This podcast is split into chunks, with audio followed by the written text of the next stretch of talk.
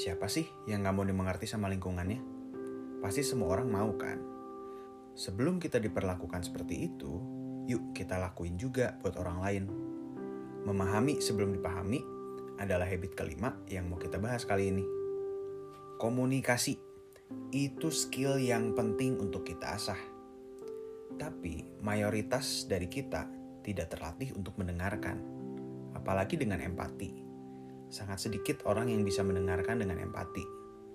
Nah, ada empat tingkatan dalam mendengarkan. Yang pertama, mengabaikan. Yang kedua, berpura-pura mendengarkan. Yang ketiga, mendengarkan dengan penuh perhatian atau attentive listening. Yang keempat, mendengarkan dengan empati atau empathic listening. Mayoritas orang hanya berpura-pura mendengarkan dan sangat sedikit yang bisa mendengarkan dengan empati. Orang-orang yang biasanya disebut pendengar yang baik, umumnya hanya sampai poin ketiga, yaitu attentive listening atau mendengarkan dengan penuh perhatian.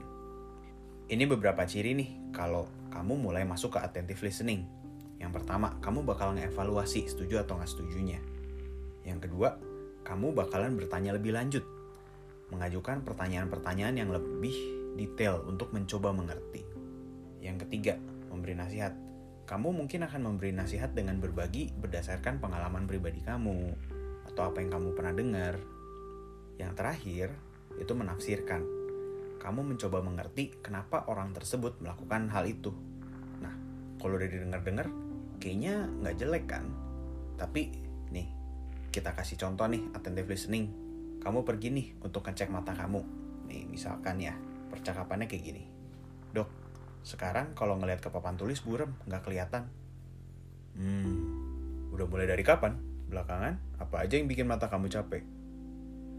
Eh, uh, baru tahun ini dok. Kan banyak tugas, jadi banyak ketik. Dan sekalian juga main game. Oke, kalau gitu, mata kamu capek berarti.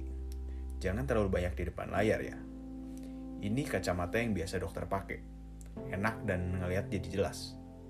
Nah, Jadinya si dokter kan ngasih kacamata yang biasa si dokter pakai.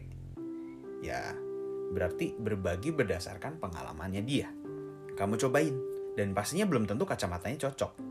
Apa kamu bakal balik ke dokter itu lagi? Kayaknya enggak kan? Nah, sayangnya itu yang biasa kita lakuin. Itu adalah contoh attentive listening. Kita kasih solusi sebelum kita cari tahu akar masalahnya dan solusinya tuh berdasarkan diri kita bukan si pencerita. Itulah kenapa kita harus mencoba membangun skill mendengarkan secara empati. Biar nggak kayak gitu tuh. Mayoritas orang mendengar dengan tujuan untuk menjawab, bukan untuk memahami. Itu yang jadi masalah. Bedanya dengan empathic listening, seorang empathic listener akan mencoba menjadi diri si pencerita dan merasakan apa yang dirasakan olehnya secara emosional juga ia akan memperhatikan bahasa tubuh dan nada bicara si pencerita. Sebelum bisa mencari solusi, seorang empathic listener akan mencoba mengerti. Makanya, habit kelima ini memahami untuk dipahami. Untuk memahami, kita butuh untuk mendengarkan.